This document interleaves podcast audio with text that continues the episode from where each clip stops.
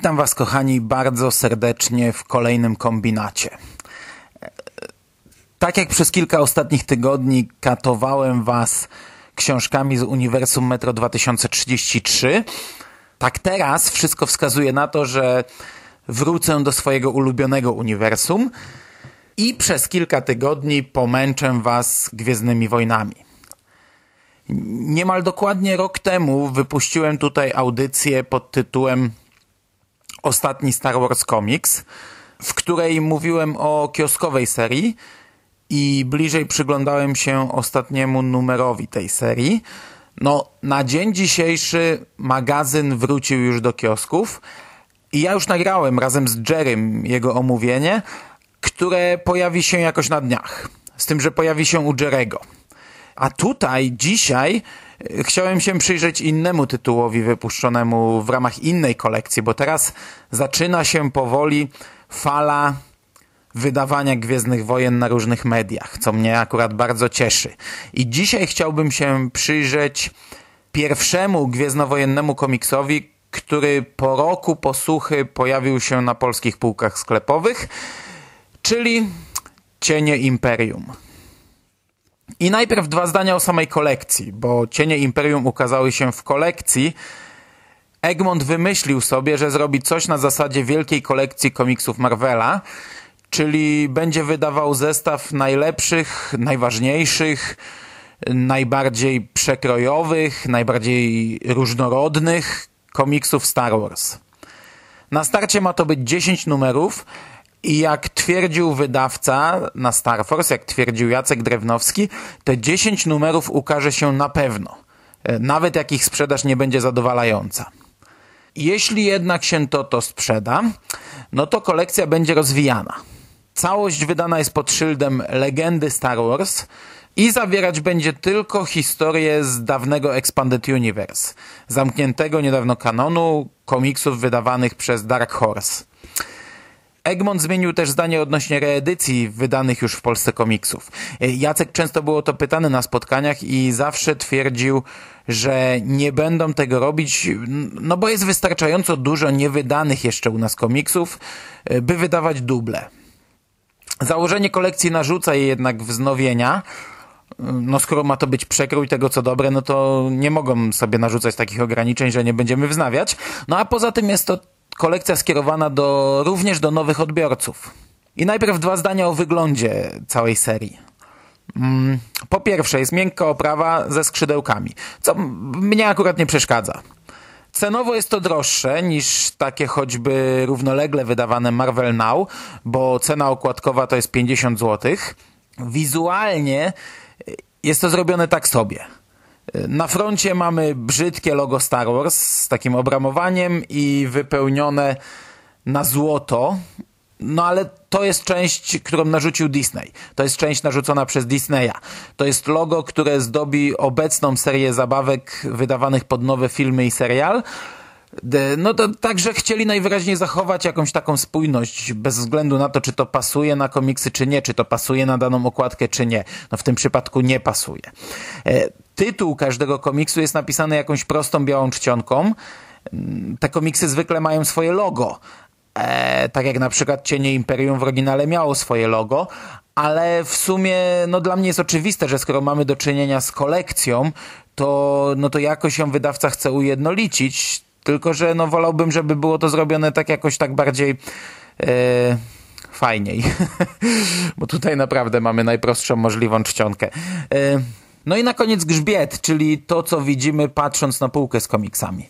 Prosty, czarny, znaczy to, to nie jest do końca czerń, no bo mamy tutaj kropeczki białe gwiazdy, no ale z daleka wygląda to jak czarny pasek, z jakimś tam symbolem i kolejną zwykłą czcionką, tym razem nie pisaną z kapslokiem, tylko duże i małe litery i jest napisany sam tytuł komiksu.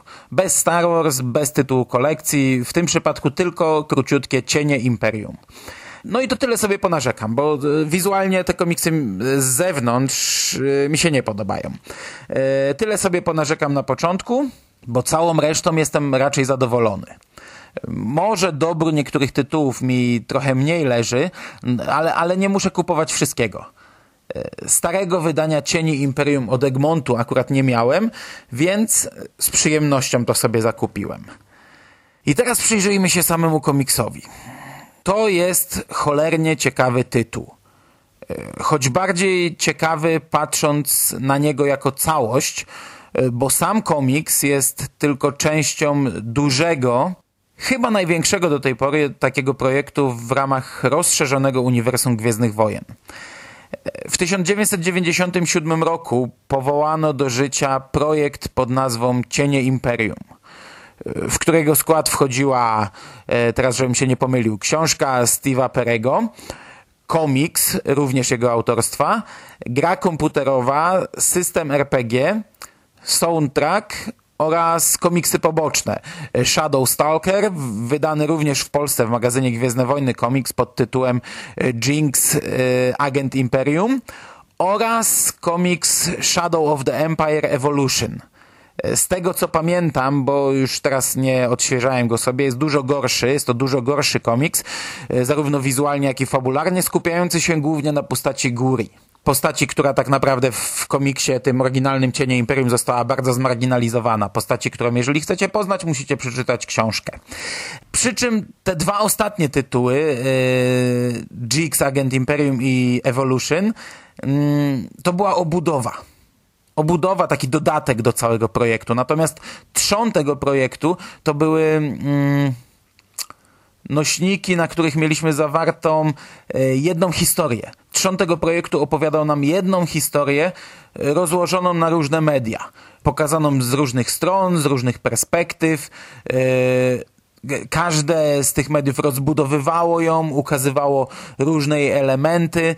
I zrobiono to w taki sposób, by każdy ten twór był również pełnym, samodzielnym, zamkniętym produktem.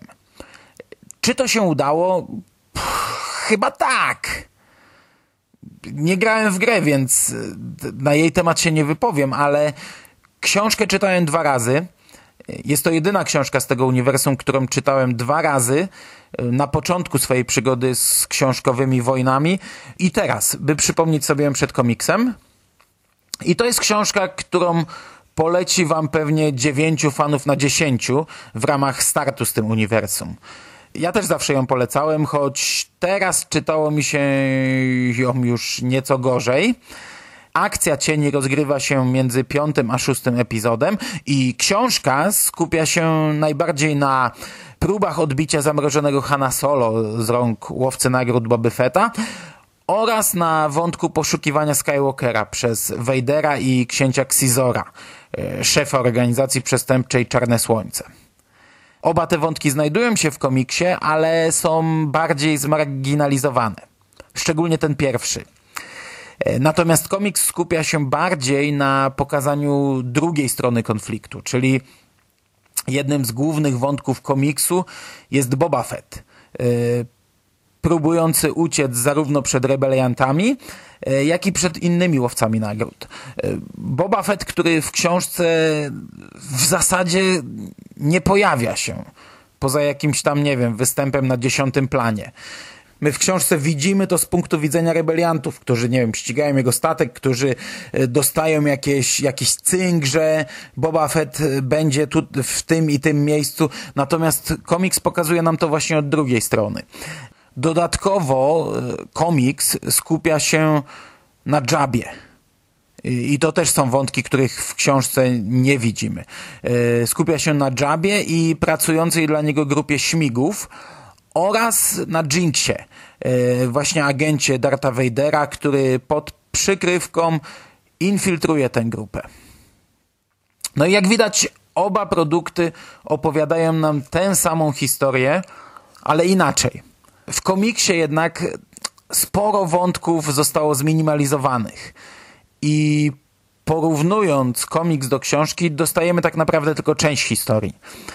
I mnie jest cholernie ciężko ocenić, jak sprawdza się ta część historii jako autonomiczny twór, bo nie mam możliwości pozbycia się z głowy reszty książkowych wydarzeń i nie wiem, czy nieznajomość ich nie wpłynie na niezrozumienie komiksu. Jacek Drewnowski pisze w posłowie, że ten komiks się nadal sprawdza. I choć w komiksie wiele zmieniło się przez te 18 lat, to on się nadal broni. Dodaję tam jeszcze, jak ważny jest to komiks i akurat z tym, że jest to ważny komiks, to ja się oczywiście w całości zgadzam, ale z tym, czy on się broni, to już tak, tak nie do końca. Ten komiks bardzo się zestarzał i są momenty, że jego się po prostu czyta ciężko. No i niestety nie pomagają nam w tym rysunki, które są e, przeciętne. Od strony wizualizacji świata jest nieźle. E, statki, bitwy, kostiumy, sceneria, no to wszystko wygląda ok. Nie jakoś przecudownie, ale ok. Źle wyglądają natomiast postacie. I tak jak tych głównych bohaterów e, można się domyślić z kontekstu, no niestety wielokrotnie oni też są nierozpoznawalni, ale wiemy, że to tutaj to jest Leia, a to tutaj to jest Luke, bo wiemy to z akcji książki.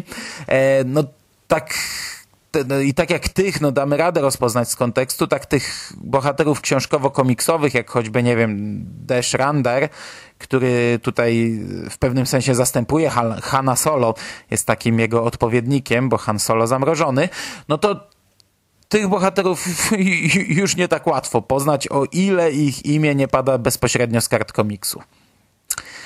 Czy zatem warto sięgnąć po ten komiks? Paradoksalnie, ja go mimo wszystko polecam. E, choć bardziej polecam jako ciekawostkę, e, jako poznanie cholernie dobrego, zrobionego na wielu płaszczyznach projektu. E, sam komiks zestarzał się, jest kiepsko narysowany i umiarkowanie dobrze napisany, ale sama historia jest ciekawa. Dobrze spaja dwa klasyczne epizody, choć to też dużo lepiej robi w książkowej wersji, bo tutaj wycięto sporo smaczków. E, polecam jako pełną historię, opowiedzianą przez różne media i jako uzupełnienie książki, no bo jednak książka opowiada tę historię lepiej. Can you take me home?